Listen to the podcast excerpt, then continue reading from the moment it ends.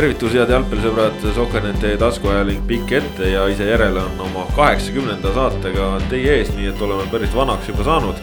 ja täna mõistagi räägime siis uh, uut huvitavat ja põnevat jalgpallijuttu uh, koduselt uh, Vutitandrilt, minu nimi Kaspar Elissaar, täna siin minuga Ott Järvela. oota. tema siis tsiteerib meil Jose Mourinho't. just et, et see, seda, seda, seda ütles Jose Murillo meile tervituseks kõigile. ja lisaks Kristjan Jaak Kangur ka tagasi siin. jah, mina nii ilusaid hääli teha ei oska nagu Ott tegi, nii et ma ütlen tere lihtsalt. sellest piisab, täna saates teemadeks kodune vutiliiga, Eesti koondis, natuke muid asju ka ja, ja võib-olla alustame alustame selle teemaga, et äh, see koroonaviirus, mis on meil siin viimastel nädalatel äh, suureks jututeemaks olnud Nõmme Kalju näitel, siis kõigepealt äh, ta sedasi lahvatas. Kalju sai oma mängu Euroopas ära mängitud, sellest ka natukene hiljem, aga, aga olukord koduses liigas on selles mõttes ikkagi järjest äh, kahtlasem, nüüd on meil juba kaks vooru mängitud äh, ilma Nõmme Kalju osaluseta ja, ja kuidas edasi. Äh, hea vastus on see, et ega veel ei tea, asjad on lahtised, aga, aga Kaljus neid koroona positiivseid praeguseks võistkonna peale seitseteist, lisaks on siin nädalavahetuse jooksul tulnud teateid esiliigast, kus Maardu linnameeskond on koroonaviirusega hädas ja, ja käis ka mängul sedasi, et et seal kellelgi olid juba haiguse sümptomid, ehk siis see asi võib siin päris kõvasti levima minna ja sellises olukorras tõstatub ainult üks küsimus. kas me suudame selle jalgpallihooaja siin Eestis ära lõpetada? nojah, nagu eelmine nädal sai ju tegelikult ka mainitud, et, et, et kogu see Kalju case ja nüüd on siia lisandunud ka Maardu Äh, ja nende vastased ja, ja ka kohtunikud, kes nendes mäng, selles mängus osalised olid, kõik neile nagu noh, paratamatult rakendunud äh, meetmed. et need on hea ilmekas näide sellest, et äh, kuivõrd lihtne on see spordi ökosüsteem, mis noh, on jalgpallil ja teistel pallimängualadel kõikidel laias laastus samasugune, mis noh, kätkeb endas pidevat võistlusrütmi hooaja sees et kuivõrd lihtne on selle viirusega see nagu kapitaalselt tuksi keerata. et ähm, noh, tuleb valmis olla kõikvõimalikeks ad hoc otsusteks ja, ja lahendusteks. Äh, sellepärast, et äh, kuna olukord on noh, prognoosimatu, siis on väga keeruline siin ennem mingeid, eelnevalt mingeid nagu noh, reegleid paika panna, vaid tuleb reageerida vastavalt olukorrale. aga no ilmselge on see, et, et kui need äh, kolded äh, äh, kuidas öelda äh,, arenevad edasi või, või, või hakkavad ilmnema regulaarsusega, siis ei ole võimalik Eesti tippliigade hooaega ette nähtud mahus lõpule viia äh,. mis puudutab siis Premiumi liiga puhul kolmekümmet kahte vooru, esiliigas vist samamoodi kolmkümmend kaks on ju. no seal on erinev, ülemised mängivad rohkem kui alumised. nojah, kolmkümmend kaks kuni kolmkümmend vooru et, et noh, siin, siin on nagu ilmselgelt, ma usun, et Jalkaliidu kontoris on juba see variant lauale pandud, tegelikult sellega arvestati juba siis, kui see uuenenud formaat kevadel teadvustati, et seal ju äh, maikuus, kui see uus formaat äh, teada anti, öeldi, et, et põhimõtteliselt Jalgpalliliidu juhatusel on õigus jooksvalt teha muudatusi, kui vaja on, ma nüüd täpselt sõnastust ei mäleta. et noh, siin ilmselgelt võib juhtuda, et selleks vajaduseks tekibki, et selleks, nendeks muudatusteks tekibki vajadus ja noh, loogiline koht, kus nagu maha lõigata, on see, et see nõnda öelda lisa neljas ring lõigatakse esimesena maha. et, et võib juhtuda, et noh, meister selgub tänavu kahekümne seitsme vooru põhjal ja kõik muud kohad ka hea näide on ka see, et, et kui võtame selle Maardu juhtumi, siis äh, seal ju vist äh, haigustunnustega mängija osales mängus, et, et äh, noh, see, see nagu nullib absoluutselt igasugused meetmed ja, ja, ja kõik trikid, mida sa enne kasutusele võtad, et, et kui seda isiklikku vastutust ei ole ja no alati see ei ole ka nagu tahtlik, et, et noh, see, see välk võib igast kohast sisse lüüa ja eks me olemegi praegu seisus, et kui nüüd vaadata seda, et kalender on niigi juba noh, umbes täpselt kuu aja võrra tavalisest nagu pikemaks venitatud. Äh, et tegelikult see kahekümne seitsme vooruline hooaeg lõpeks umbes siis, kui lõppes äh, eelmine, eelmisel aastal täishooaeg. et siis niisugusel juhul noh, ongi, ongi ju sisuliselt ühe sellise juhtumi kaugusel oleme praegu sellest, et on nagu noh, nagu vanad eestlased ütlesid, ikka täitsa sitt leivakotis. et, et praegu juba vaadata, siin hakata mingeid mänge kuskile edasi tõstma, juba praegu on see keeruline, premium-liigas juba ka, rääkimata madalamatest liigadest, kus on, eks ole, tekivad kohe probleemid nii staadionite valgustuse kui ka muu, muu infraga kui ka sellega, et et, et on mängijad, kes noh, ei ole ju profid, vaid käivad tööl, eks ole, et nädala sisse sa neid mänge väga nagu naljalt ei liiguta ja nii edasi.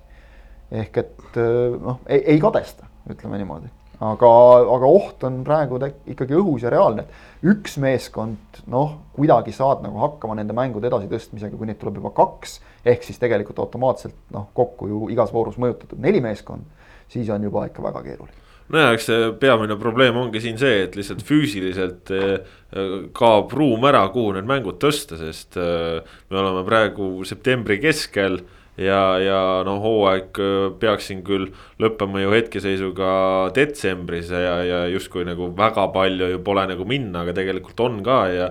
ja kaks koondisakent on vahel, mis on ka varasemast tihedamad. meil on kolm kuud aega hooaja lõpetamiseks praeguse seisuga enam-vähem täpselt, kusjuures tänase seisuga kolm kuud. Jah, ja sinna sisse mahuvad äh, kaks koondise akent, äh, mille noh mi,, mille vältimine on võimatu, need tulevad igal juhul ja ja nende ja nende ajal kõrgliiga, noh, räägime ainult premium-liigast, võtame madalama liiga kõrvale praegu.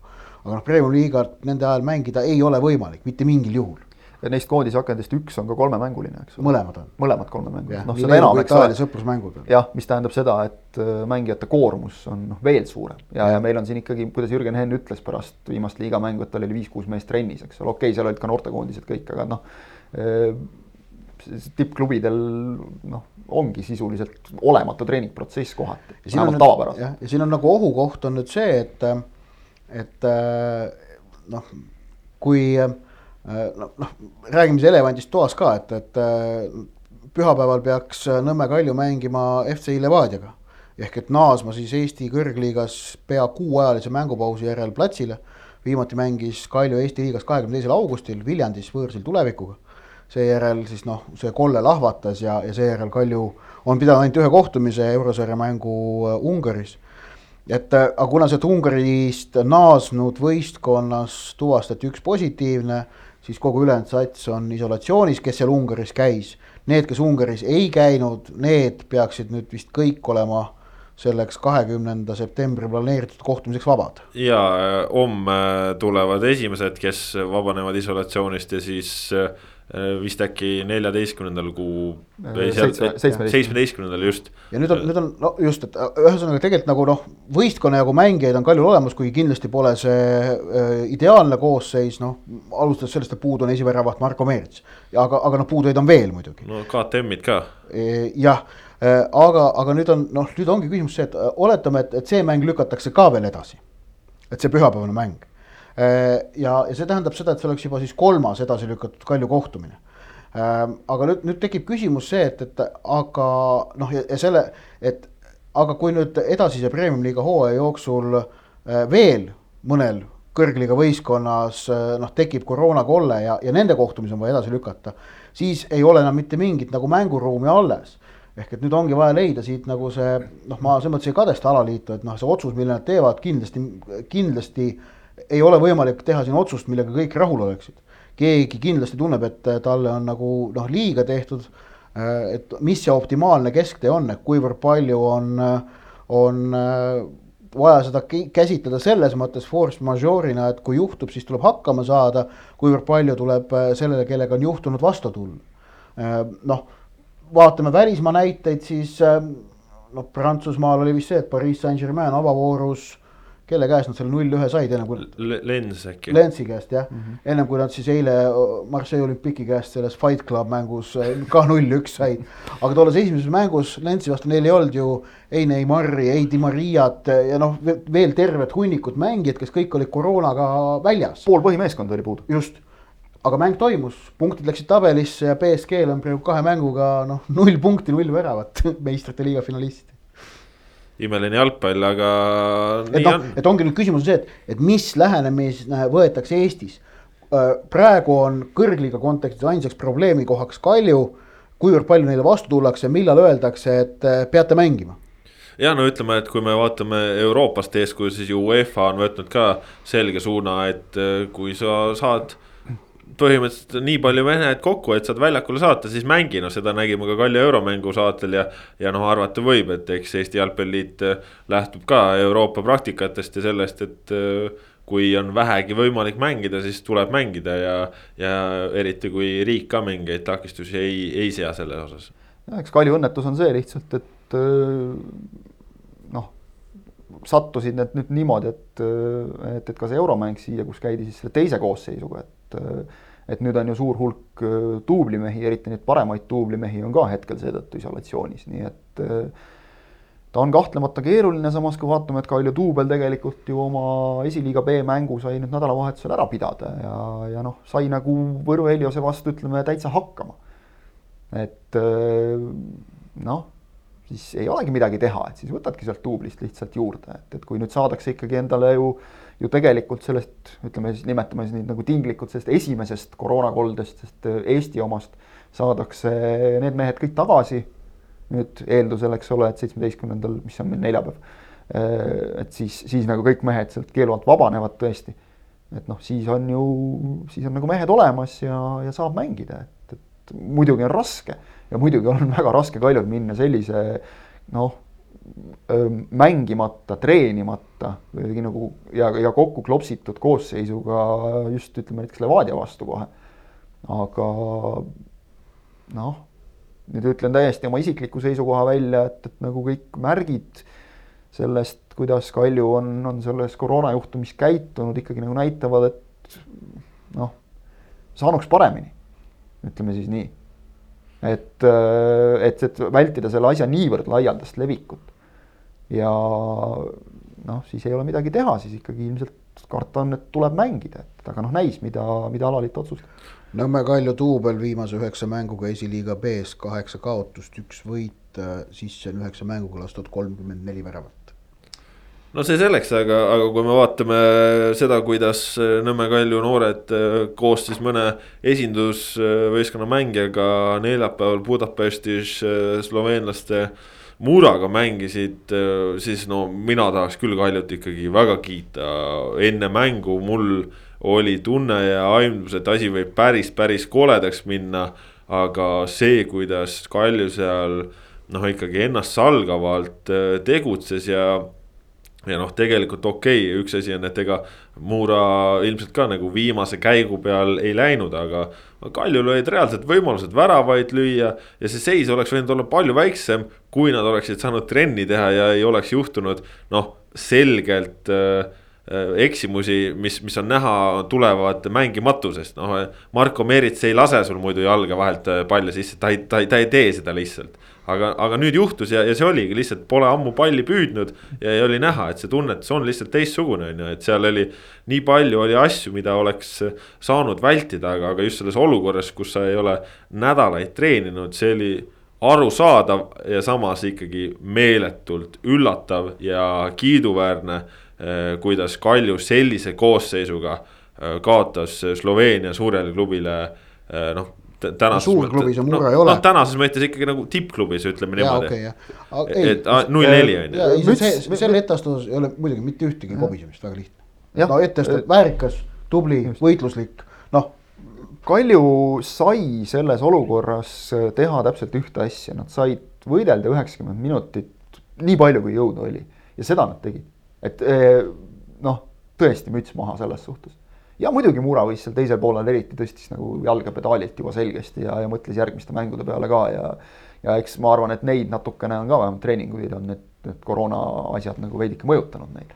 Neil oli ju ka koroonajuhtum võistkonnas, aga jätsid mulle, mulle jättis nagu isiklikult nii mõnigi neist noortest sellise mulje, et ma tahaks teda rohkem näha toon täiesti nimeliselt välja Markus Suurväli näiteks, et ma tahaks teda rohkem näha premium-liigas, et, et Kaljul on siin neid mänge küll, kus ollakse juba, ma ei tea, poole ajaks kolm-null ees, et, et andke nendele kuttidele natuke rohkem võimalust, et kogu aeg on olnud seal, noh, ma tean, seal klubis on see põhimõte, eks ole, et noor peab ennast nagu mängima pildile, murdma läbi meeste vahelt, väga õige lahingus karastub teras ja kõik siuksed asjad, eks. et äh, pakkuge siis neid võimalusi, et neid tegelikult neid hooaja jooksul on, et, et noh, siin on ju Kaljul olnud ka mingid kuus-null võite ja siukseid asju, et, et võtke mõni mees pingile, pange ta seal, seal mängu lõpus sisse, nagu näha oli, et saavad hakkama küll, näiteks täiesti noh, etteaimamatu ja, ja varem täielikult kokku mängimatu keskkaitsepaar Sander Puri. Sander Puri. keskkaitse trio oli seal tegelikult ikkagi no, trio tegelikult jah, reaalsus. jah, et aga noh, Sander Puri ja, ja, ja Kristjan Rattasepp näiteks, et, et noh. Las Rattasepp saab kuskil liigamängudes ka mingi võimaluse, et nad natukene nagu proovida.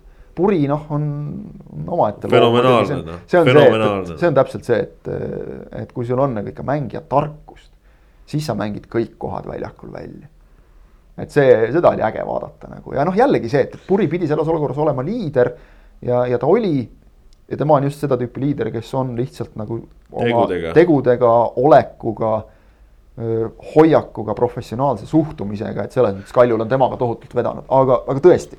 Kalju ees müts maha ja mul on, on ka tõesti kahju, et, et sealt tagasi tulles nagu jälle selline noh, äpardus juhtus, et et, et need mehed nüüd peavad veel istuma, et, et ka, ka mehed, kes ei ole nagu tõesti mitte midagi ise valesti teinud, ikka istud isolatsioonis nädalaid ja nädalaid, peret ei näe, elukaaslast ei näe, noh, täitsa jama ikka jah, no igatahes äh, Kalju selles mõttes jah, äh, läbis selle mängu oluliselt äh, valutumalt, kui oleks võinud karta ja, ja tõesti. seal oli kaks varianti, kas tulla tagasi kilbiga või kilbil ja nad tulid ikka nagu julgelt pea püsti kilbiga, et, et see oli jah, see oli sümpaatne jah, ja nüüd tegelikult ju eurohooaeg ei ole Eesti klubide jaoks läbi saanud, sellepärast et Eesti meister Tallinna FC Flora. neljapäeval hakkab ka Tallinnas Lillekülas mängima islandlaste Reykjaviki KR-iga. ja noh, nüüd siis Euroopa liigas saavad näidata, milleks nad suutelised on, Eesti versus Island, ütleme kogu see eurohooaeg on ikkagi ju jubedalt masendav olnud ja noh, selles mõttes, et see, mis seal kõik esimeses ringis esialgu toimus ja, ja neid negatiivseid emotsioone on nii, nii palju olnud. aga noh, Floral praegu, kui nad ennast kokku võtavad ja, ja tõesti enda mõistes hea loosiga midagi näitavad, sest noh, Flora on ju saanud väga palju raskeid vastaseid siin. ega need Nissi Rašnikid ja, ja Frankfurdi Eintrachtid ei ole nagu väga head satsid. ja noh, muidugi minevikus on mängitud ka noh, võib-olla mingite Gibraltari klubidega ja on ka arvatud, et on hea loos ja nii ja naa, aga noh, ütleme. see oli aastaid tagasi, aga nagu tänases seisus Flora, kes on ikkagi selgelt võimas meeskond Eestis, kui nad nüüd Islandi klubiga noh, ei, ei õnnestu, noh siis äh, aplaava on ikkagi. ei no siis on meeletu. küsimus ausalt see, et millal veel, siis ongi küsimus, millal veel, et äh, praegu on noh, tõesti Floral on loosiga vedanud sel aastal eurosarjas igas ringis. vedas esimene ring meistrite liigas, kui saadi Mariampole Suuduva, võrdne mäng, kaotati penaltiseerias, hüva. Nüüd vedas uuesti teise Euroopa liiga teises eelringis Reykjaviki KR Islandi jalgpall on äh, muidu küll vägev, aga Islandi klubi jalgpall ei ole. Islandi koondise edu põhineb äh, klubide küll noortetööl, aga koondised mängivad välismaal. Islandi klubid ei, oli eelmisel hooajal, kui ma ei eksi, olid vist üks nendest vähestest riikidest, kes teenisid eurosarjadest vähem koefitsiendi punkte kui Eesti. ehk et nad on ikka väga halvad. Islandi klubidel on, Islandi klubid sarnaselt Eesti klubidele on sel hooajal enne neljapäeva kaotanud kõik neli kohtumist, mis nad on pidanud. ehk et noh, ühesõnaga täiesti nagu mängitav tase ja noh, see mäng tuleb võita. ja kui see mäng õnnestub võita, siis järgmises kolmandas eelringis on noh, jällegi väga-väga mängitav vastane, sellepärast et äh, äh minnakse vastamisi äh, kas Põhja-Iirimaa või Malta klubiga äh,. otsin kohe need nimed ka ülesse, aga noh, jällegi vaata, kust otsast tahad äh,. täiesti, täiesti mängitav vastane nojah, selles mõttes, et äh, Flora ju tõesti. Linfield Põhja-Iirimaalt või Floriana, see mäng oleks võõrsil, aga jällegi no täiesti mängitav. absoluutselt, et noh, Floral selles siis, mõttes. oota, ma, ma, ma täiendan veel vabandust ära ja siis, kui see too Linfield või Floriana ka üle mängitaks, siis ootaks ees on ju play-off ja siis tolle võitmise korral alagrupp et kui muidugi Floral õnnestuks kõik see ära teha, siis see kalendri jutt, millest me siin alguses rääkisime, see saaks veel oma ühe, ühe sellise öelda vungi või nüansi või peale, et noh, aga see selleks, et, et noh, tegelikult on seis see, et noh, et seda kõigepealt tuleb seda Islandi satsi tuleb võita. noh, see on nagu nüüd juba see on minu arust nagu koht, kus saab nõuda võitu. no Suduva vastu nõudsime ka võitu, ei saanud midagi. no jaa, aga nõuda. mul tunne, et see KR on nõrgem kui Suduva. jaa, aga ma ütleks, et Suduva vastu võis võis nagu ka nõuda tegelikult juba selles mõttes, noh, me räägime Florast nagu selles mõttes, et meeskonnast. no Ott nõudis ka ju. meeskonnast, ei õigesti nõudis, sest et me räägime meeskonnast, kes nagu Eestis noh, oleme ausad, loputab kõiki suhteliselt, eks ole, ja on nagu ehitanud oma ei no väga lihtne. taseme, organisatsioonilise taseme, meeskondliku taseme, kõik nagu sellel ikkagi selle eesmärgiga, et Euroopas hakkama ja. saada ja kui sa seal hakkama ei saa, siis järelikult oled ja. ikkagi põrunud. Suuduva on mängitav vastane, Reykjavik on mängitav vastane, kaks mängitavat vastast, kui ühe mängu kaotad, teise pead võitma, lihtne nii on äh, ja, ja Flora selles mõttes äh, seis selleks mänguks on ka selline nibin-nabine, et siin on nendel. ikkagi ootamatult hea vist võib öelda. ikkagi ootamatult hea, no selle nurga alt tõesti, et Matvei Igonen ja Michael Lillander, kes on siin traumadega väljas olnud, Jürgen Henn viimase matši järel ütles, et, et pigem nemad on tagasi ja, ja kõige suurem küsimärk on siis ainult Ken Kallaste kohal, kes koondises vigastada sai, aga kui sul on juba äh, Igonen ja,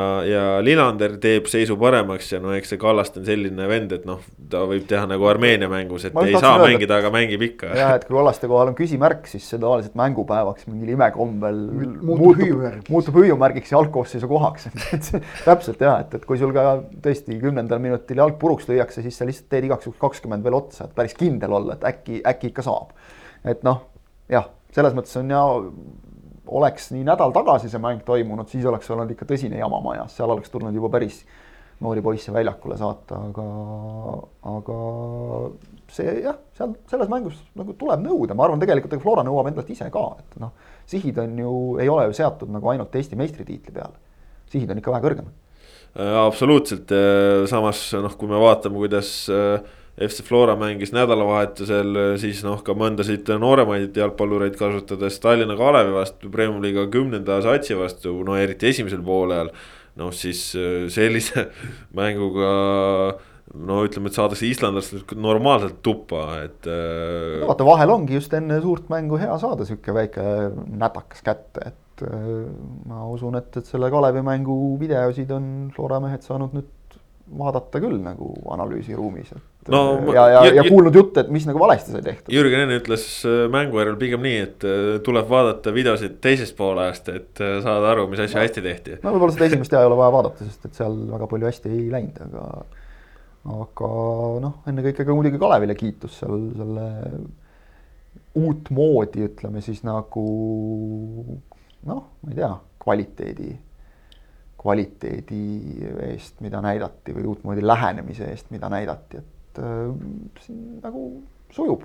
ja no Dmitri Skalašnikov on siin see võtmesõna, kes äh, siis äh, Kalevis juhtohjad Liivo Leetmaalt koondispausi eel üle võttis ja, ja Kalevi mängu nüüd siis selle lühikese ajaga päris palju muutis, Kalev on nüüd mängimas teistsuguse asetusega, mängijad on tõstetud tagasi võib-olla positsioonidele, kus nad loomupäraselt ka toimetavad, kui siin vahepeal Sanet Dmitrijevi ja, ja Liivo Leetmaa käe all oli mängijaid sellised, no ütleme, et mängisid ikkagi ka enda jaoks pigem mitte nii naturaalsetel äh, kohtadel.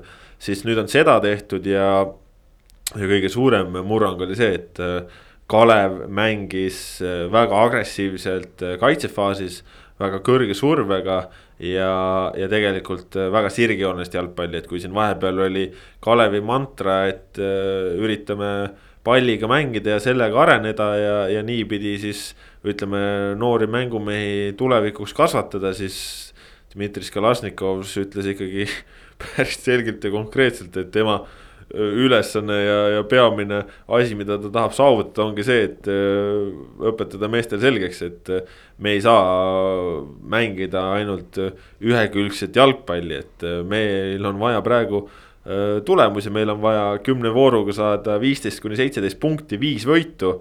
et siin ei ole enam valida, kellega sa mängid, on see Flora või mitte, sa pead võitma ja sa pead siis tegema seda vahendit valimata, ehk siis ka äh, sirgjoonelise mänguga ja nii edasi ja tegelikult äh, Kalev äh, noh, esimesel poolel eriti ütleme, et Flora mäng ikkagi lämmatati totaalselt ja, ja endal oli rünnakul variante küll, et äh, noh, Hannes Anieri peab kiitma fenomenaalne mees ikkagi Kalevi võistkonna jaoks, see kvaliteet, noh, Kalašnikovs ju lõpu üle järelintervjuus ütles ka, et võib-olla kahe võistkonna peale kokku kõige kvaliteetsem mängumees seal, et, et päris ütleme, suur kiitus Anieri suunas ja noh, isiklikult Reinhard Reima, kes siin hooaja esimese faasi äärekaitses mängis nüüd ründaja all ja noh, täitsa, see on noh, sõge vend, et see, kuidas see mees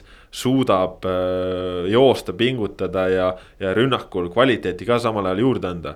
no ütleme, esimesel poolel ta sõi selle Vladislav Kreida ikka mitmel korral normaalselt ära äh,. röövis Kreida alt palli ja, ja jättis Kreida nagu päris halba valgusesse, tõsi kõik see, mis äh, toimus vaheajal Flora riietusruumis, on äh, suur müsteerium. Äh, Martin Miller vihjas, et seal oli, ütleme, et kõrge helitase.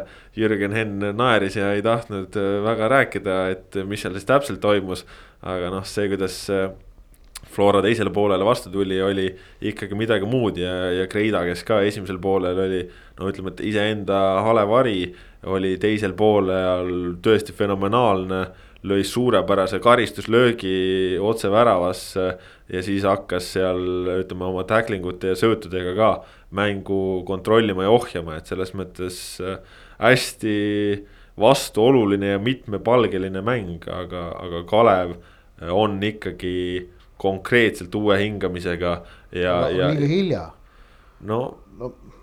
Leegion võitis ja vahetabelis on seitse punkti eelviimase kohaga seitse punkti tagasi võtta. noh, maksimaalselt kümne, aga võib-olla, kui juhtub see, et liigat tuleb lühendada ainult seitsme mänguga. no aga okei võtame lahenduseks, et kümme mängu on alles, on ju seitse punkti tagasi võtta. no aga Astnikus ütles, et kümnest mängust viis võita, et see on äh, päris suur ülesanne. jah okay., üsna suur ülesanne tõesti jah. Nendest kümnest viis muidugi seal on see, see nüanss, et need lisamängud tulevad kõik otseste rivaalide vastu nõus. et see aga... natukene nagu noh, muudab seda, ütleme lihtsamaks, kui see algne puhtalt numbrite keel seda ütleb. aga endiselt see on ikkagi neetult, neetult keeruline, et, et noh, kõik muu on hea ja tore, aga ma ei näe ikkagi, et Kalevi jaoks oleks reaalne viimase koha vältimine. üliraske. võimatu muidugi jah, ei ole matemaatiliselt, aga ikka üliraske no mulle, mulle meeldis Kalašnikovi puhul see ka, et, et ta ütles, et äh, luges siin äh, mängupäeva hommikul Sokranetist eelvaadet ja. ja seal noh, ta nimeliselt ei nimetanud, aga noh, Aiko Orgla ütles noh, Kalevi kohta põhimõtteliselt, et tubli noor võistkond ja saavad head kogemust ja selle peale Kalašnikov ütles, et kui vastased meie kohta niimoodi ütlevad, siis on meil noh, perses, et siis on meil kriips peal, et. et siis meil ei ole enam midagi, et meil on vaja nüüd eelkõige ka vastastele saata sõnum, et kuulge, me oleme jalgpallurid ei. ja, ja me teeme head asja. see käib asja juurde, hea treener käibki sellised laused riietusruumi ukse peale ja ütleb, et noh, näete, et alahinnatakse meid, palun tõestage, et ei ole nii et äh, jah, eh, noh, Kalevil on siin ju veel tulemas mänge ikkagi ka mitte nüüd, nüüd mängiti Floraga liidriga, eks ole, aga siin on veel tulemas mänge ju tabeli ülemise otsa meeskondadega, et, et sealt tuleks ka midagi võtta ja siis nagu nende omasuguste vastu üldse mitte eksida enam, et äh, see saab ikka kuradi raske olema ausalt öeldes. no müts maha, et noh, proovitakse, püütakse, aga näis, ma hakkasin praegu muide mõtlema, et kui meil see hooaeg siin kuidagi varem nagu lukku lüüakse, võib-olla veel mingitel meeskondadel mingid mängud ära jäävad nii siin kui esiliigas, esiliigas Maardu, eks ole, on hetkel tagasi premium-liigasse tõusmise kursil selgelt, aga kui neil nüüd mingid mängud jäävad vahele, siis läheb neist, ütleme näiteks Pärnu vaprus mööda. Nõmme United on küll hetkel natuke liiga kaugel, et nemad nagu ohustada saaksid, aga Pärnu vaprus läheb mööda, siis lõpetatakse nagu hooaeg ära, et, et kas me hakkame ka mööda kohtuid käima või? nagu arenenud välismaa riikides, et igasugused asjad on võimalikud siin, et väga, ütleme väga keeruliseks võib see hooaja lõpp kujuneda. ei no keeruliseks ja kahtlemata ka põnevaks. ei põnevaks kindlasti, aga ma mõtlen seda, et kui noh, meeskondadel on erinev arv mänge, eks ole, ja kõik need Koht,. kohtuvaidlustega on lihtne, neid ei saa tulla, nende sellest õigusest on kõik klubid äh, meistrivõistlustel osalemise no. tingimustega nõustudes loobunud, nad saavad äh, kaevata edasi esmalt jalgpalliliidu arbitraaži Just. ja seejärel, kui sellega rahul ei olda, rahvusvahelisse spordikohtusse. spordikohut mõtlesingi tegelikult jah, jah, kohtusse tavamõistes ei saa ju minna jalgpallis. aga jah, ütleme Kalastnikovi puhul siis toome veel kord välja, et tema küsib Eesti rahvalt, kas Atletico Madrid ei mängigi siis jalgpalli. mängib.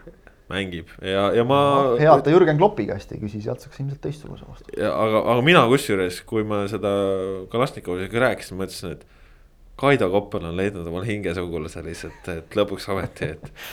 et kindlasti neil ka põnev jalgpallijutte rääkida, sest noh, Koppel on ka ikkagi alati see vend, et, et kui Tammeka on selgelt kaitsest lähtuva plaaniga, ongi vastase mäng neutraliseerida ja taktikaliselt vastane kotti pista, siis noh. Koppel on see, kes neid asju teeb, et nüüd on tore näha, et, et on, on veel selliseid, kes äh, ilmtingimata ei, ei taha just äh, palliga kuskile jõuda, kui su enda tase lihtsalt ei ole selleks vastav. aga. millal meil on järgmine Tammeka Kalevi mäng, et ootame huviga aga Premium-liigas äh, mänge on nädalavahetusel veel ja, ja läheme kohe siit äh, võib-olla sellise kõige põnevama juurde, mida Ott juba mainis ka. Tallinna jalgpalliklubi Leegion sai oma esimese koduvõidu, kui Narva Trans üle mängiti, kaotusseisust välja tuldi, Nikita Andreev selle asju tegi ja Kristjan. Äh, ma mainin vahele ära, et küsimusele, millal saab vastuse järgmises voorus, järgmises voorus. just Äh, aga, aga tõesti, Leegion äh, võitis ja, ja noh, seal mängus äh, oli suur mõjutaja Tuul, noh, kes tahab Tuule mingitest rollidest mingeid asju vaadata, siis ristnurgas kindlasti video olemas ja saadaval, aga. aga Ott, Leegion nüüd ikkagi näitas, et neil on väravlööja olemas ja, ja see on see puudunud pusletükk, mis nendel on senise hooaja jooksul varem olnud jah, ilmselt, ilmselt on seal nagu nüüd äh, tõde sees, et Nikita Andreevi kogemus ja kvaliteet aitab Leegionil tulemust vormistada, et kaks korda on Andreev sellega nüüd hakkama saanud, nii Viljandis kui nüüd ka Kadriorus. ja kuus punkti on noh, ta, ta nagu selles mõttes võistkonnale toonud. aga, aga mul on tunne, et, et see Leegioni võistkond on ikkagi nagu selle hooaja jooksul hakanud üha rohkem ka ise uskuma oma võimetesse, et seal äh, need esimesed tulemused, noh, et ütleme nii, et see võit Nõmme Kaljule osutus nüüd noh, kujundkeeles rääkides vale positiivseks, eks ole mille nad kolmandas voorus said, sest selle järgnes on ju seitse mängu vist väravat või mis see oli või veel rohkem ja. umbes nii jah. et, ähm, et äh, noh, ühesõnaga selle võistkonna eneseuhkus sai selle hooaja esimese öö, äh, otsaga ikkagi tohutu paugu see võistkond oli tulnud to-, toodud ja tulnud kokku teistsuguste eesmärkide saavutamiseks. paistab, et nüüdseks on nagu suudetud leppida sellega, et et noh, ühesõnaga, et noh, et esinelik on valgusaasta kaugusel äh,. aga, aga ütleme, esikuuik ei ole Leegioni jaoks nüüd pärast seda eilset võitu enam lootusetu tegelikult. et noh, Trans on nelja punkti kaugusel, Tammeka ka, Tammekal on mäng Kaljuga varuks ähm, noh, ega see nelja punkti seitsme mänguga tagasi võtta, see nüüd ka kõige lihtsam asi ei ole. Arvestades seda, et need võistkonnad, kuivõrd vähe punkte need võistkonnad siiamaani on teeninud, et noh, neli punkti Leegioni seisukohast võttes on kakskümmend viis protsenti nende senise hooaja punktisaagist, eks ole. et seda ei ole üldse nagu vähe, aga jah, kokkuvõttes mul on tunne, et see Leegion on nagu ta on hakanud iseendasse nagu natukene rohkem uskuma, seal on saadud mingid asjad noh, natukene nagu klappima. Äh, kusjuures huvitav on see, et, et noh, Aleksandr Dmitrijevi minu meelest nagu noh, et, et ta nagu mäng ei ole mingi ülearu veenev, et seda vana Dmitrijevi kvaliteeti ei paista kuskilt. aga ju ta ikkagi siis nagu sellist stabiilsust võistkonnale lisab piisavalt, et, et ka sellest no, on abi. natuke seda rahulikkust keskväljal ikkagi ja, juurde annab. jah, ja, ja noh, ütleme, et Artjom Artjunini põhikoosseisust väljajätmine tõi ka tulemuse, et, et noh, minu meelest on Artjunin olnud sel hooajal Leegioni üks suur nõrk koht Äh, seekord ta ei mänginud, Kovtunovitš, Volodin keskkaitsepaar. mängis lõpus tipuründes. ja ta toodi tipuründajana sisse ja see oli ka huvitav vaadata. aga, aga Kovtunovitš, Volodin said keskkaitses äh, päris okeilt hakkama. mul endal on tunne, et äkki kõige parem keskkaitsepaar ähm, Leegioni jaoks on hoopiski Kovtunovitš, Sidorenkov äh, ja siis noh, vasakkaitsesse, miks mitte Mašitšev, kui teda ei taha, siis noh, leiab kellegi muu, Šarvin teisel pool ja sellise kaitseliiniga võiks nagu teha küll jah, äh, samas äh, Oleg Kuroškin äh, vist väga rahul ei olnud ja pakkus sulle huvitavaid võimalusi mängu järel. jah, jah, jah, pakkus huvitavaid võimalusi, ütleme nii, et intervjuu, mida Sokertist on võimalik lugeda, et see versioon, mis seal on, et äh, me leppisime Kuuratškiga enne kokku, et ma, et ma panen kirja selle nagu ütleme niimoodi, et noh, jätan, jätan. jätad sidesõnad, jätad sidesõnad välja. jätan sidesõnad välja, jätan enamiku sidesõnad välja, jah. et sidesõnu selle jutu keskel oli ohtlik, aga ta oli tohutult pettunud oma meeskonna esituses. et seal nagu võis ju arvata, et äkki on tige kohtuniku peale, ei olnud üldse, ütles, et, et Ošomkov vilistas hindele viis. midagi nagu ei ütle midagi, aga et noh, et tema enda võistkond, et see kuidas teisel poolel mängimine järelele jäeti ja kuidas esimesel poolel suhtuti lohakalt võimalustesse, pahandas teda tohutult. Äh, Nikolai Burdakov kõndis, võin öelda sellise asja kaadri veel, kõndis pärast äh, mängu pingi pealt minema, viipas mulle niisama rahul, noh niisama, et noh, ei olnud tige ega midagi kusjuures. aga ta oli näha, et ta oli selgelt nagu ka pettunud. et ta noh, vahest on see, vaata kui Trans kaotab eh, napilt, et siis on Transi president Burdakov on siis noh, kel-, leiab ke,, leiab kellegi süüdlase. ja noh, siis ta hakkab oma pahameelt on ju väljendama ja, ja kuulutama seekord mitte midagi sellist, et ta, ta ilmselgelt, ma arvan, ka tema sai aru, et süüdi oli võistkond. et tema enda võistkond oligi süüdi selle, seekord selles kaotuses. ja see oli nüüd Transi jaoks äh, muidugi selline noh, päris hirmutav signaal, sellepärast et äh, tegelikult ju juuli-august mängiti väga kaunis tempos ja, ja noh, eile ei olnud ju midagi, et noh, et koosseisuga oleks probleemi olnud, kaugel sellest, et sul oli kõik noh, Tunkara oli olemas, Joffre oli olemas, äh, Irje oli olemas, Abiyah olemas, kõik, kõik koosseis on maa ja ilm, mängi, aga ei saadud hakkama. vaat kui Transil tekib nüüd see tunne, et noh, tehtud, et päästsime nagu oma koha, eks ole, siis, siis on muidugi kohe probleem jälle mm. -hmm. vaatasin Leegioni järgmised mängud muidu Kuressaare ja Tammeka, nii et täiesti nagu kuue punkti võtmise koht tegelikult. no ja Kuressaare ja Tammeka arvavad ise täpselt sama. rõhutan, täpselt, ja nemad arvavad sama ilmselt, et noh, tulevad väga, väga olulised mängud just eriti arvestades, et me ei tea, kui kaua veel aga jah, noh, ei see Kuroškini intervjuu kohta veel ütlen remargina, et, et kes nagu ütleme, et on vene keelega nagu tihedamalt kokku puutunud, see saab aru, et, et sinu kasutatud ilus eestikeelne sõna kurat on originaalis olnud midagi pisut muud, just selline sidesõna, aga see on selles mõttes mulle meeldib, et, et kui treenerid annavad selliseid emotsionaalseid intervjuusid, samas noh, ikkagi nagu kontrollides seda, mida nad suust välja ajavad, et, et see on, on positiivne, et ei et, pea nagu ka, ka pelgama seda esimest emotsiooni, et see on tegelikult siiras ja aus ja, ja., ja selle, seda võib täiesti väljendada. rääkis südamest. just, südamest rääkida, see on väga vahva. jah, Ott, sa nägid äh, ka ühte teist äh, väga ütleme siis intrigeerivat jalgpallilahingut äh, Viljandis, kus Viljandi tulevik sai juba esimesel minutil ühe taha ja Paide linnameeskond siis näitas äh, esituses, kuidas äh, pole vaja Edrissa Lubegat, kuidas Henri Anier võib olla pingil ja nii edasi.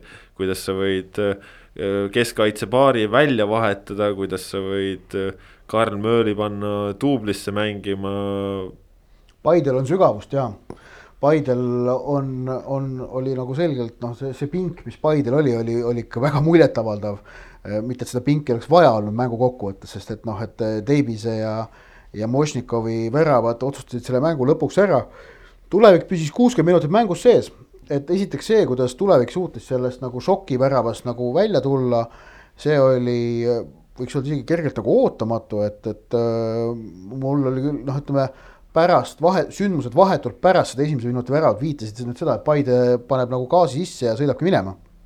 ei, tulevik suutis viigistada jah, seejärel Paide tabas kaks korda väravaraame, korra noh, post, korra latt, Luts vist mõlemal puhul lõi minu meelest ehm,. aga, aga noh, ütleme selline nagu võimalus, et midagi võib ikkagi juhtuda, Viljandi võib midagi tekitada, oli ikkagi päris pikalt õhus.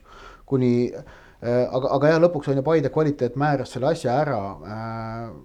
noh, Paide on selgelt hõbedasoosik praegu, ma ütleksin, nii koosseisu pärast nii selle mängu pärast, nii ka selle mitmekesisuse pärast, nii ka sellepärast, et noh, neid väravaid tuleb neil päris nagu mitmest kohast, on ju. et noh, neid põhjuseid, miks nagu Paidet võib praegu hõbedasoodikuks pidada, on mitu. üks asi, et nüüd tuleviku kohta ka, et ei jääks see jutt nende osas nagu üdini negatiivseks värki, et äh, mulle väga meeldis Nikita Komissarevi esitus ründava poolkaitse positsioonil äh,. see oli väga sümpaatne äh,, nautis seda vastutust mida see positsioon endas kätkeb. me näeme sageli, kuidas noh, number kümme on see positsioon, kuhu mängijad noh, kas kaovad ära või peidavad ennast ära, sellepärast et, et seda on neetult keeruline mängida. Komissarov mängis seda sellise mõnusa isuga ähm, seda oli vahva, vahva näha. kõige krooniks sööt ka, mis tegelikult algatas tuleviku viigivärava Kaimar Saagile mm., suurepärane kaarpall üle, üle liini. Saagile täpselt jala peale ja kes, kes mulle veel meeldis, oli ka Jude Barrow, kes Tanel Langi puudumisel tegelikult mängis oma koha väga kenasti välja.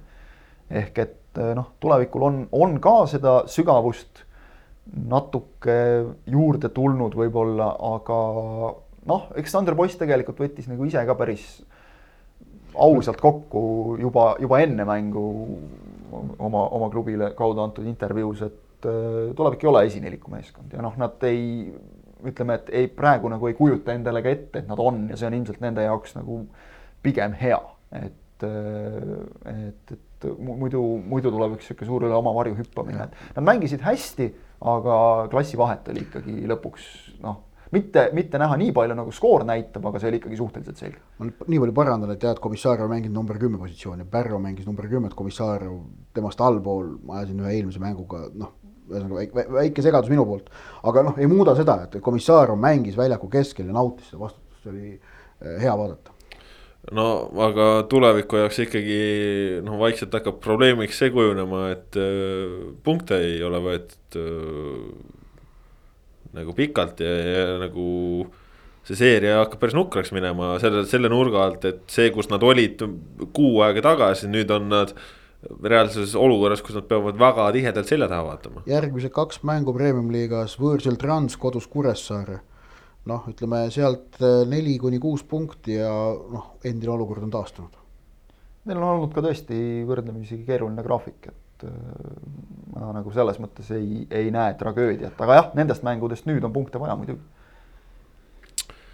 veel mänge üks oli, mis peeti Kuressaare Levadia, noh, seal punane kaart määras ja, ja kiired väravad ka, ega seal väga palju kõneväärset ei olnud, ilus karistuslöök löödi ja, ja seal natukene veel midagi, aga, aga noh, Levadia ka ikkagi näitas, et ikkagi suudavad oma asja ära teha vajalikul tasemel, et äh, selles mõttes nende mäng on ka oluliselt kindlamaks äh, muutunud vahepeal, võrreldes selle vahepealsega, mida näidati.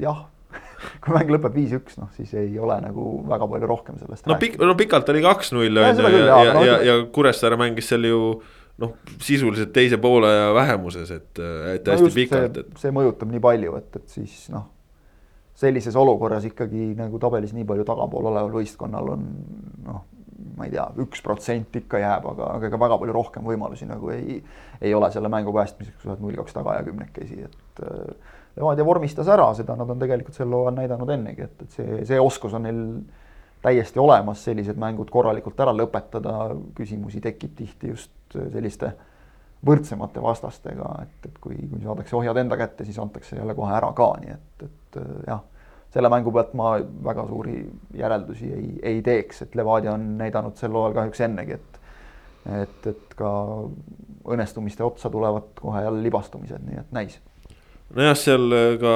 võõrliigonärid äh, said natukene resultatiivsust näidata ja võib-olla huvitav nüanss oli siis see, et et keskkaitses äh, Podiljužini kõrval oli Rasmus Peetson, et. Äh, et oleme siin nädala jooksul nüüd näinud väga palju seda, kuidas keskpoolkaitsjad on või, või isegi üldse poolkaitsjad on end leidnud äh, kaitses erinevatelt äh, positsioonidelt, noh. Seesama ju kasvõi ka tuleviku ääreründaja Sander Kapper on ikkagi juba väga pikalt olnud äh, tuleviku äärekaitsja, et. selles mõttes nüansse oli aga, aga Levadia jaoks ka vajalikud punktid ja, ja noh, ongi nendel seal ju käib kemplus nii Paidega kui ka Kaljuga ja. ja Kalju ju siis tõesti äh, nagu juba teame, ei ole vahepeal mänginud ja saame näha, millal nad uuesti mängima hakkavad. aga selgelt äh, Levadia mäng on arenenud edasi ja, ja kui arengust üldisemalt rääkida, siis äh, võime vist natukene ka Eesti kohtunikest rääkida, et täna ilmus siis meil portaalis äh, Kristo Tohveriga, Eesti noh, julgen öelda esikohtunikuga äh, selline äh, pikem ja, ja põhjalikum lugu sellest, millist tööd tehakse siis Eesti kohtunikumaailmas ja kohtunike rindel on koostatud uus ja väga põhjalik viiskümmend lehekülge pikk ja viiskümmend lehekülge veel lisadest juurde koosnev uus arengukava, mis siis sätestab, kuidas Eesti kohtunikud dokumendi järgmise... kvaliteeti selle maht siiski ei määra, ma liiga ütlen, aga, aga ei, jah, see ei tähenda nüüd, et see tingimata halb oleks. nojah, põhjalik äh, arengukava, kus on siis ütleme ka reaalsed äh, tegevused kirjas, et äh, kuidas jõuda samme kõrgemale ja, ja mida teha, et, et paremaks saada, et selles mõttes kohtunikud on siin aasta jooksul ikka väga palju kõneainet saanud ja, ja noh, nagu ka Tohver ise ütles, siis, siis tõesti, et Eesti eh, tippkohtunikel on praegu raske selle professionaalse maa või professionaalse liigaga toime tulla, kus, kus tõesti mängude eh, võitluslikkus ja, ja võrdsus on eh, sedavõrd suurem ja, ja tase on ühtlasem, et, et kui varem viis-null võidumängus üks suluseis jäi kuskil midagi valesti lugemata, siis keegi ei teinud sellest midagi välja, aga, aga nüüd, kui üks-üks seisul on suluseis valesti loetud ja näiteks värav tühistatakse, siis on jama kui palju ja, ja kõik on kohe suures pildis ja ta ütles, et tegelikult õigesti, sest eks nendele asjadele tulebki tähelepanu suunata, aga, aga jah, et ütleme, et äh, töö käib nii-öelda, mis, mis mõtted teil kogu selle teema osas tekkisid, ma ise olin seal rohkem süvitsi. jah, mulle jäi seal, sealt silma üks, üks väga hea mõte või, või noh, tähelepanek just, et kui me räägime konkreetsetest mängudest, et see, kui, kui kohtunikul on mängu lõpus on pulss punases, siis sa ei tee enam, sa jõuad kaasa joosta, aga sa ei tee enam õigeid otsuseid et see just selles, selles väljendub see, ma arvan, see, see taseme tõus. ja noh, paratamatult oleme seisus just teine punkt, mis oli väga oluline, oli see, et, et praegused Eesti teised tippkohtunikud peale Tohveri, kes on nagu noh, täie kohaga selle peal. Juri Fischer, Robert Arajev, et, et nad teevad ju ikkagi noh, nad ei jäta oma põhitööd või, või Siim Rinken, kes oli seal ka välja toodud, kes on arst, eks ole, et ilmselgelt ta ei, ei loobu nagu oma noh aastatepikkusest tööst ja, ja, ja, ja teadmistest nagu kohtunikuameti nimel enam. aga just need nooremad, et neid hoida, Koppel, Janovits, Üprus, noh, neid noori on siin veel, kes on, on tõusnud premium-liigasse või, või, või selle lähedale või noh, on sinna ilmselgelt kohe-kohe tõusmas. Et neid hoida nagu asja juures, et see on võib-olla kõige noh, keerulisem, sest et rahaga siin väga nagu ei konkureeri. Ja omakorda veel see punkt, et kui me vaatame nüüd natukene nagu või kõvasti isegi premium-liigast allapoole, et siin on ikkagi kõigil nagu ka, kes jalgpalli mängivad ja jalgpalliga tegelevad nagu ka tohutult palju ära teha, et ei ole mõtet kurta kas kehvade kohtunike või kohtunike puudumise üle, kui needsamad kohtunikud saavad ja noh, me teame, seda juhtub eriti just ka madalamate liigade mängudes palju, kui nad saavad lihtsalt nagu roppu sõimu äh, nagu mängust mängu kogu aeg ja, ja noh, neisse suhtutakse kui mingisse tüütusse segajasse, kes on tulnud siia, tulnud siia meie mängu ära rikkuma nii-öelda, et, et noh, see, see peab nagu ka ilmselgelt muutuma. selleks, et kohtunikke rohkem mängu juures hoida. Minule see kogu jutt, mis, mis su artiklis oli, tekitas sellise hea tunde, et, et äh, probleemi ei salata maha, probleemiga tegeletakse, see on ainuõige käitumisviis ning äh,, ning äh, ka see, et, et see on natukene selline üldisem, mitte ainult kohtunikuks olemist puudutav asi, aga, aga üldse nagu spordi tegemist puudutav asi moel või teisel, et, et et spordi tegemine või spordis osalemine, et äh, ta on nagu lisaks hobile või, või vahel on ta teenistusallikas või vahel on ta, no ta, ta võib mitu olla, aga ta on ka elustiil ikkagi. Et see ja seda nagu on võimalik äh, väärtustada, seda Eestis on hakatud äh, mitte ainult jalgpallis, üldse Eesti spordiväljal viimaste aastate jooksul ikkagi üha rohkem seda nägemust nagu jagama, et, et spordi tegemine noh, moel või teisel, et see on nagu elustiil lisaks kõigele muule, äh, elamise viis. Äh, et äh, kui see hoiak levib, siis ma usun, et see parandab ka äh, kohtunike olukorda selles mõttes, et noh, inimesi tuleb sinna, sinna ametisse juurde. mitte ainult jalgpallil, vaid ka teistes pallimängudes, kus on noh, valitseb samasugune kohtunike põud, et selles mõttes jalgpalli olukord ei ole unikaalne. ja kui sa mõtled, eks ole veel noh, see jah, just see, see, see suhtumise viis ja kõik see, et äh, kes vilistab, eriti veel kuskil madalamal tasemel, noh, ta vilistab sellepärast, et ta, talle meeldib, ta tahab olla selle jalgpalli sees no kujuta nüüd, kujuta nüüd ette, et sa mängid võistkonnas, kus lihtsalt võistkonnakaaslased sind noh, iga kord, kui sa trenni lähed, sa saad nagu ropult sõimata, et kui loll sa oled, et sa mitte millegagi hakkama ei saa, loomulikult sa ei viitsi varsti käia seal enam, sa otsid mingi uue asja endale. no ma võin sulle rääkida enda näitel ju, ma võin rääkida enda näidet, noh, et ma saalihokis ala, mida ma ise kunagi mängisin, ma olin, ütleme kaks tuhat neli kuni kaks tuhat kolmteist ma olin noh, Eestis põhimõtteliselt võib öelda tippkohtunik mm. -hmm. ja no vilistasin Eesti meistrivõistluste kõrgliiga mänge, finaalseeriaid, kõiki erinevaid asju. siis mul tuli sisse vist nelja või viieaastane paus. noh, mu, mu, muu elu oli niivõrd tihe, et ei olnud aega enam. aga ma siis nüüd jah, kaks-kolm hooaega olen nüüd taas käinud vilistamas, ma käin ole, mul on mõned meistriliiga mängud sattunud, aga noh, ma nagu ei, ei pretendeeri enam sellele nagu noh, tipptasemel, et. et ma käin praegu enamasti mingi Eesti meistrivõistluste esiliiga või madalama liiga mänge vilistamas äh,.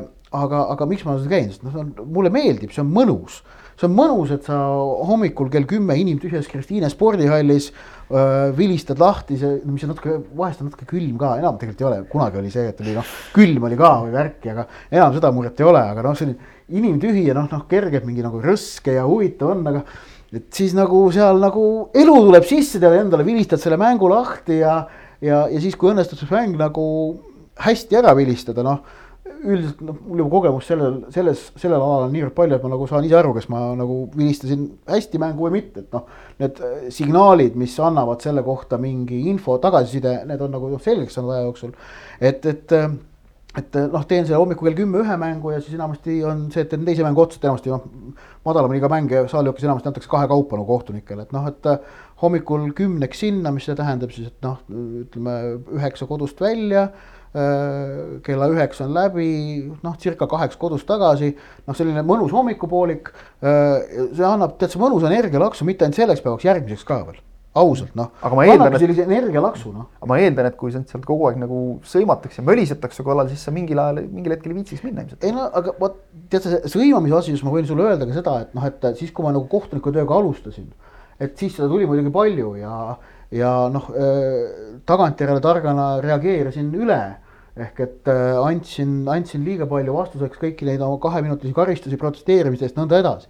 et, äh, et äh, no minu kogemus ütleb kohtu, praktiseeriva kohtunikuna, et, et väga paljusid konflikte, mis väljakul tekivad, on võimalik ennetada normaalse suhtumisega, suhtlemisega, just mitte suhtum-, suhtlemisega, et kui sa mängijatega suhtled mängu ajal, siis see aitab maandada ära päris palju konflikte see on nagu üks mu kogemus.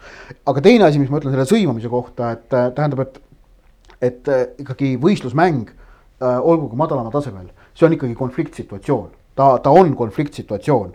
Äh, kui, kui, kui võistlevad kaks võistkonda, mõlemad tahavad võita, see on konfliktsituatsioon. Et ja, ja nii palju paksu nahka peab noh, tähendab, peab kohtunikul olema, et ta noh, ütleme nii, et natukene sõimu käib as-, käib selle ameti juurde.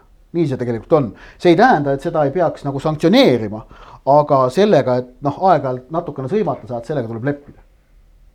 noh, ütlen sellise asja siia lihtsalt nüüd ma rääkisin muidugi saalihokist siin meie jalgpalli podcast'is, aga noh. ei noh, sa rääkisid üldiselt teemast, eks need äh, asjad kanduvad üle ja, ja tõesti soovitan äh, lugeda inimestel just ongi, et saada.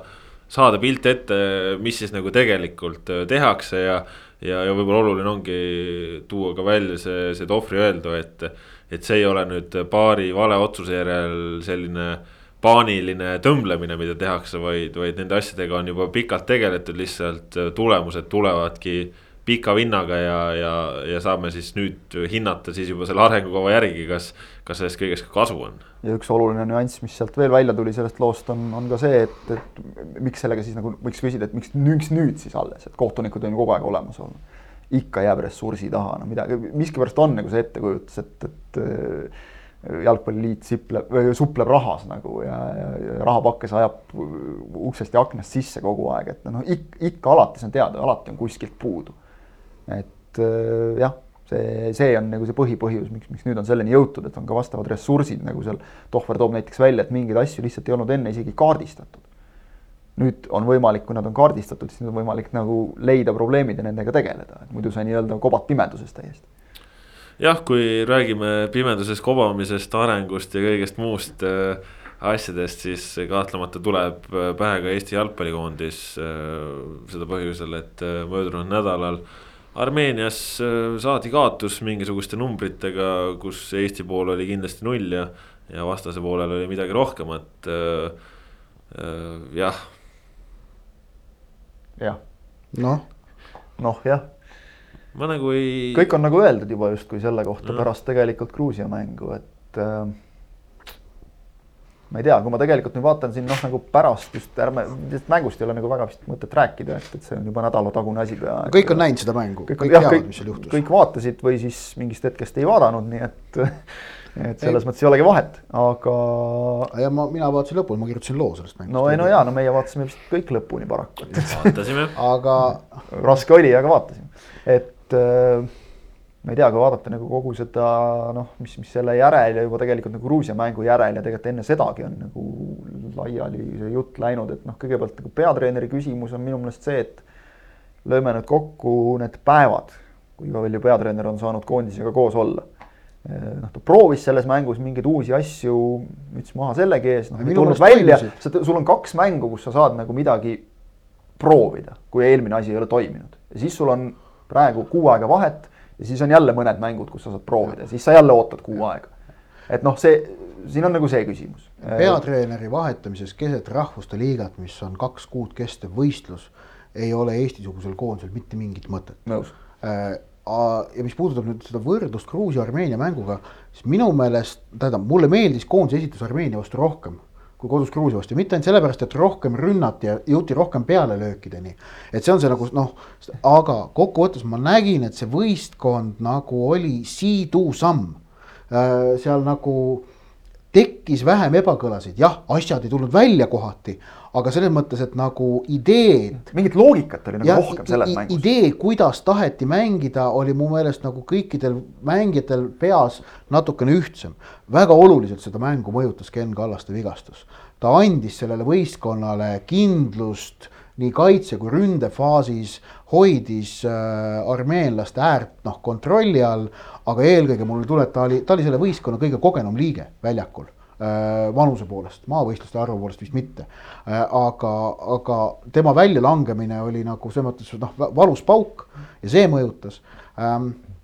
noh, armeenlaste teravus lõpuks oli natukene parem, individuaalsed vead maksid kätte, noh, nii nagu see koondise mängudes läheb aga ma nüüd, nüüd ujudes vastuvoolu kogu sellele suurele negatiivsuse merele, mis praegu Eesti rahvus, Eesti jalgpallikoondist ja Eesti klubisid rahvusvahelises kontekstis ümbritseb, siis ma ütlen küll, et ma nägin väikest edasiminekut võrreldes selle Gruusia mänguga.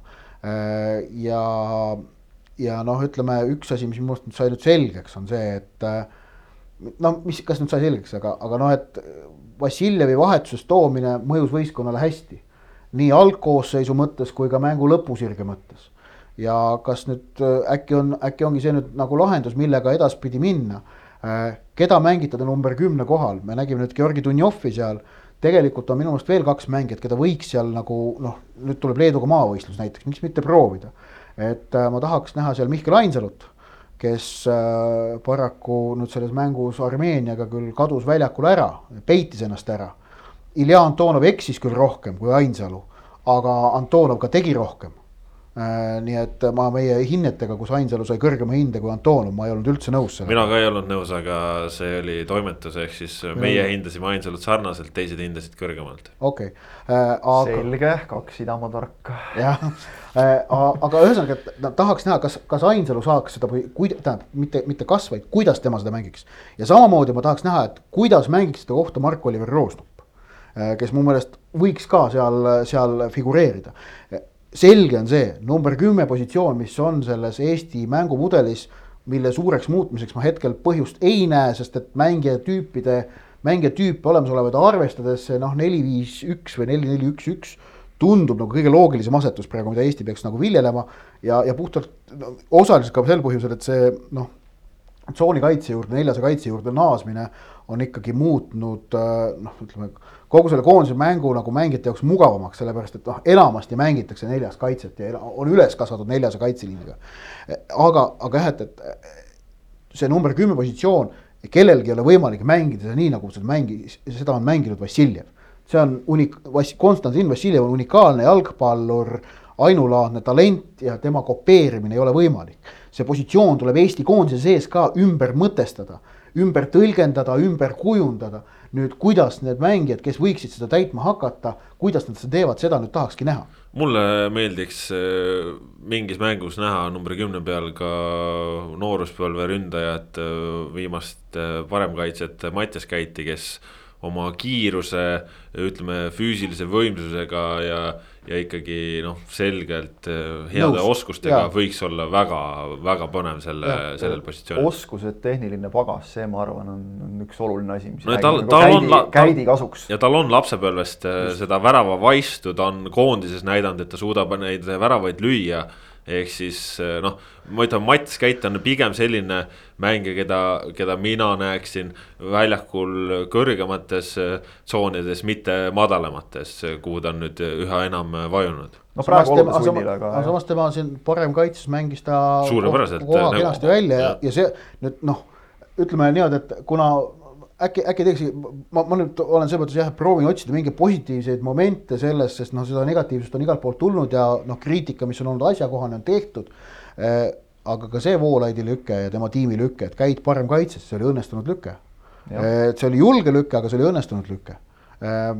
noh, selles mõttes, et natukene võib kiita ka kui, kui keegi. ma ei tea, kas, tegelikult ma ei tea, kas julgeb, tegelikult ma ei tea, kas julgeb ikka. ei no niikuinii saad sõimata, ära muretse, niikuinii saad sõimata. see asi, see asi õnnestus, samas noh.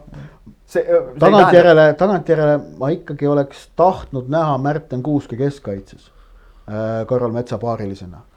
et, et äh, mul on tunne, et äh, kuidas öelda, Kuusk on äh, nagu me näeme ka Floras, ta on selline võistkonna emotsionaalne liider ja ta tegelikult, ta on liider, kelle, kelle, kelle ke,, kellele võistkond ka äh, reageerib. et meil praegu kaitseliinis, äh, eriti pärast Kallaste väljalangemist, seda emotsionaalset liidrit ei olnud. jah, äh, siin on see ka, et, et kui sa nagu ütlesid, et nagu peatreenerit ei ole mõtet keset rahvuste liigat nagu vahetada, siis uusi mehi sisse mängida võiks nagu just nimelt selles praeguses rahvuste liigas, et see oleks täpselt paras hetk, kuhu seal saada karastust natukene. no et aga nüüd ongi, et järgmine mäng on Leeduga, kodus mm, -hmm. maavõistlus no,. võidu, võidu emotsiooni, värava emotsiooni on vaja, nüüd aga, aga nüüd ongi, et noh, et. mis sunnib natuke tegema selliseid turvalisi lahendusi. jah, et, et see, see, et kui nüüd lähtuda sellest, et noh, on vaja võitu ja, ja värava emotsiooni, siis noh, peaks peatreener tegema seal nagu sellise lahenduse, et läheb seal vaata, et nagu põhikoosseisuga, et noh, saab mingi kätte, aga sellele järgnevad kohe kaks rahvuste liiga mängu ja noh, selge on see, et selle kaheksa päeva jooksul äh, kolm võistlusmängu käivad üle jõu, on ju, no see on nagu ilmselgelt arusaadav, et tegelikult Leedu mäng peab olema lahenduste katsetamine äh, ja, ja siis tuleb loota kahele järgnevale mängule ehk et äh, noh. no aga selge on see ka, et ega enam äh, kaotada ei ole võimalik, et noh, lihtsalt emotsionaalselt on vaja neid kordaminekuid ja kui neid ei tule, noh siis noh, nii lihtsalt ei saa, et no muidugi, et kõik, kõigil on ju loogilised põhjendused olemas ja nii edasi ja tagasi, aga. aga noh, me ei, me ei saa jäädagi kaotama. ei no tähendab, miks sa ütled, et ei saa?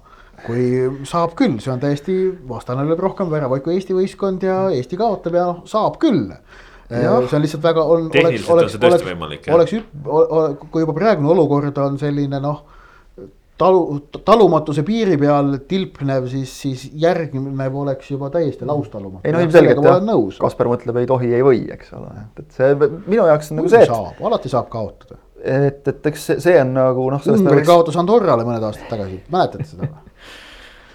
Ungari mäletab kindlasti. Kreeka kaotas kaks korda Fääri saartele. kuule, sa, sa tuletad mulle lihtsalt isegi meelde ühte viigimängu, mis ei ole isegi kaotus, aga see oli viik San Marinoga ja see oli päris masendav. noh. jah üks äh, üleriigiliselt suures tiraažis avalduv väljaanne pani selle peale mustvalge pildi Eesti koondisest näiteks uudise juurde. Äh, ühesõnaga noh, siin on vot see konks, et äh, me võiks nagu eraldi saate muidugi teha sellest, et, et, et mis, mis kõik on tehtud valesti minevikus, et me praegu sellises seisus oleme, sest et noh, ütleme ilmselgelt on neid, neid asju ikka on. Et, et me tõesti praegu sellisesse auku oleme kuidagimoodi kukkunud. ja, ja see on nagu niivõrd mitmetahuline teema, et jah, loomulikult siin, loomulikult on süüdi osalt on ju klubid, kus käib igapäevane töö, et, et kui klubidesse noh, nagu me praegu räägime, eks ole, et, et jalgpalliliit siin tahab palgata noortetööjuhte, siis minu nagu esimene küsimus on see, et, et miks neid noortetööjuhte nendes mingites klubides seni ei ole, et, et kuidas te nagu töötate siis seni üldse? Ja, ja noh, sellest tuleneb ka kerge selline skepsis selle suhtes, et et noh, kui klubi ei ole nagu ise leidnud vajadust ja, ja, ja võimalusi nagu oma noortetööl juhtimiseks, kuidagi suunamiseks, siis et noh, kas nüüd tasuline koht seda loob ma isiklikult olen natuke skeptiline, ma väga loodan, et ma eksin, et, et sealt ma, keegi ma, saab nagu mingi tõuke ja, ja läheb see asi kuidagimoodi tööle, ma kusjuures äh, küsisin äh, Aivar Poolaku käest, äh, et kust need inimesed leitakse ja ta ütles, see on kõige suurem küsimärk. no vot ongi, eks ole, et, et siin ja, ja tegelikult on ka see, et, et noh, kui sa ütleme praegustest inimestest nagu paned kellegi lihtsalt sellesse ametisse, et kas see nagu üldse muudab midagi, et, et noh, tegelikult meil on ka palju räägitud. Eesti jalgpalli on ju aastaid ehitanud, eks ole, siin on see Hollandi koolkond olnud, oli Teitur kunagi, eks ole, et, et meil on nagu ikkagi vaja vaja mingeid välismaa spetsialiste, et noh, välismaal koolitustel käimine, see paratamatult on ajaliselt mingil määral piiratud, eks ole, et, et noh, suvaline näide, kas või Aleksandr Rogic, eks ole, kes, kes ikkagi Eestisse tõi nagu mingisuguse professionaalse sellise organisatoorse suhtumise. no ütleme kasvõi ju tänu temale on meil praegu tippklubides äh, GPS-id peal, noh. jah, eks ole, või, või palju kirutud Magnus Persson, kes äh, vägagi rõhutas just nagu tugevate taustajõudude kaasamist ja nii edasi, et, et noh, vot seda oleks nagu võib-olla Eestisse vaja rohkem. ja, ja noh, nagu olla nüüd sellega nõus, et, et nagu ainult klubid on süüdi, et või noh, umbes see, et, et siin, kuna me ehitasime sorry, sada aastat tagasi staadioni, eks ole, et, et noh, need, on kõik nagu sellised arvestatavad põhjused.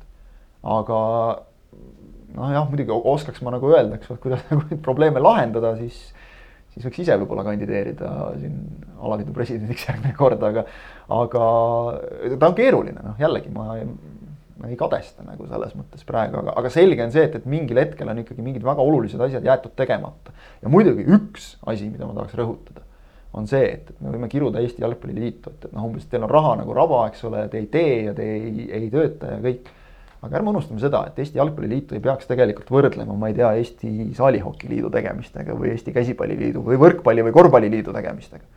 vaid tegelikult praegu see, millest me ju räägime, me võrdleme teiste riikide jalgpalliliitude tegemist. see on, see on õige point ja, ja see, seda, see, see rahad, on see, see, mis, mis jäetakse Eestis sageli tähelepanuta. mis rahad liiguvad seal, hea küll, on ka riike, kus nagu rahad noh, ei liigu ja kui siin vahel nagu öeldakse, et, et noh, nagu Läti, Leeduga, et mida me võrdleme, et me saame platsi peal saame ju peksa, eks ole. Noh, ma ei tea, võib-olla see on siis mingisugune mängijate nagu enesemotivatsiooni peeglisse vaatamise koht. aga organisatoorselt Eestis on asjad noh, oluliselt oluliselt, oluliselt paremad no,. võtame kasvõi selle, et meil on premium-liigas kümme meeskonda, mitte minimaalselt kuus, eks ole, või mis iganes. noh, see, see leedukatega on ju see vana hea noh, selles mõttes võrdlus, et kui Eesti klubid räägivad, et tahavad mõnda võõrliiganeri tuua, kes oleks nagu hea tasemega, siis, siis siin on lihtsalt see vahe, et Leedu klubid noh, suur, suurusjärgus suudavad neile kümme tuhat eurot kuus rohkem maksta. ja, ja, ja see tähendab, et sa saadki ka paremad vennad sinna omale. jah, samas, eks ole, vaatame, et kas see nüüd nagu Leedu koondist kuskil on aidanud, noh pigem ei, eks ole. Et, saame see, nelja, seitsmendal oktoobril saame täpsemalt teada. siis saame teada jah, no ju nad võidavad jälle, see on alati olnud ju nagu, et Läti ja Leedu on nii kehvad, me oleme neist igas asjas jubedalt ees ja siis nad panevad meid kotti jälle nagu. aga et ühesõnaga noh, ütleme nagu mingid eeldused on loodud praeguse seisuga, et, et siit nagu annaks tõusta. jah, kas, kas sellest nüüd nagu tulemust tuleb ma ei, ma ei kujuta ausalt öeldes ette, et see on, ma arvan, et äh, kõige lihtsam on praegu öelda, et me siin rohkem pikemalt sellest ei räägi, vaid Aivar Pohlak on meil plaanis nagu nii-öelda heas mõttes võtta liistule ja, ja küsida tema käest neid äh, olulisi küsimusi selle kohta, et mis on tehtud hästi, mis halvasti, kuidas edasi. jah, Pohlak on äh, nädala jooksul ilmselt ikkagi Eesti jalgpallis enim mainitud persoon, et on tõesti palju asju, mis on segased siin ja ütleme, mis, mis ongi siis võib-olla tavajälgija jaoks, jalgpallifänni jaoks on arusaamatud, noh. kasvõi alustades siin mingite laenude kinnimaksmisega ja nii edasi, aga, aga kindlasti nädala jooksul selgust toome, nii et püsige ikka Sokkerneti lainel tõmbame siit sellele kaheksakümnendale pikk ette ja ise järele episoodile joone alla. Täna olid, olid sellised jalgpallijutud, millised jutud on uuel nädalal, näeme siis kuidas siis jalgpall üldse edasi läheb, kuidas mängitakse, näeme siis, loodame, et. et see koroona asi ikkagi ei lähe hullemaks, vaid et suudame oma liiga ja asjadega jätkata. kõik ju seda soovime. aga nii palju tänaseks, saate tõid teieni Kaspar Elisser, Ott Järvela ja Kristjan Jaak Kangur püsige ikka Sokkerneti lainel, kõik oluline meie juures olemas, nii et olge terved, adjöö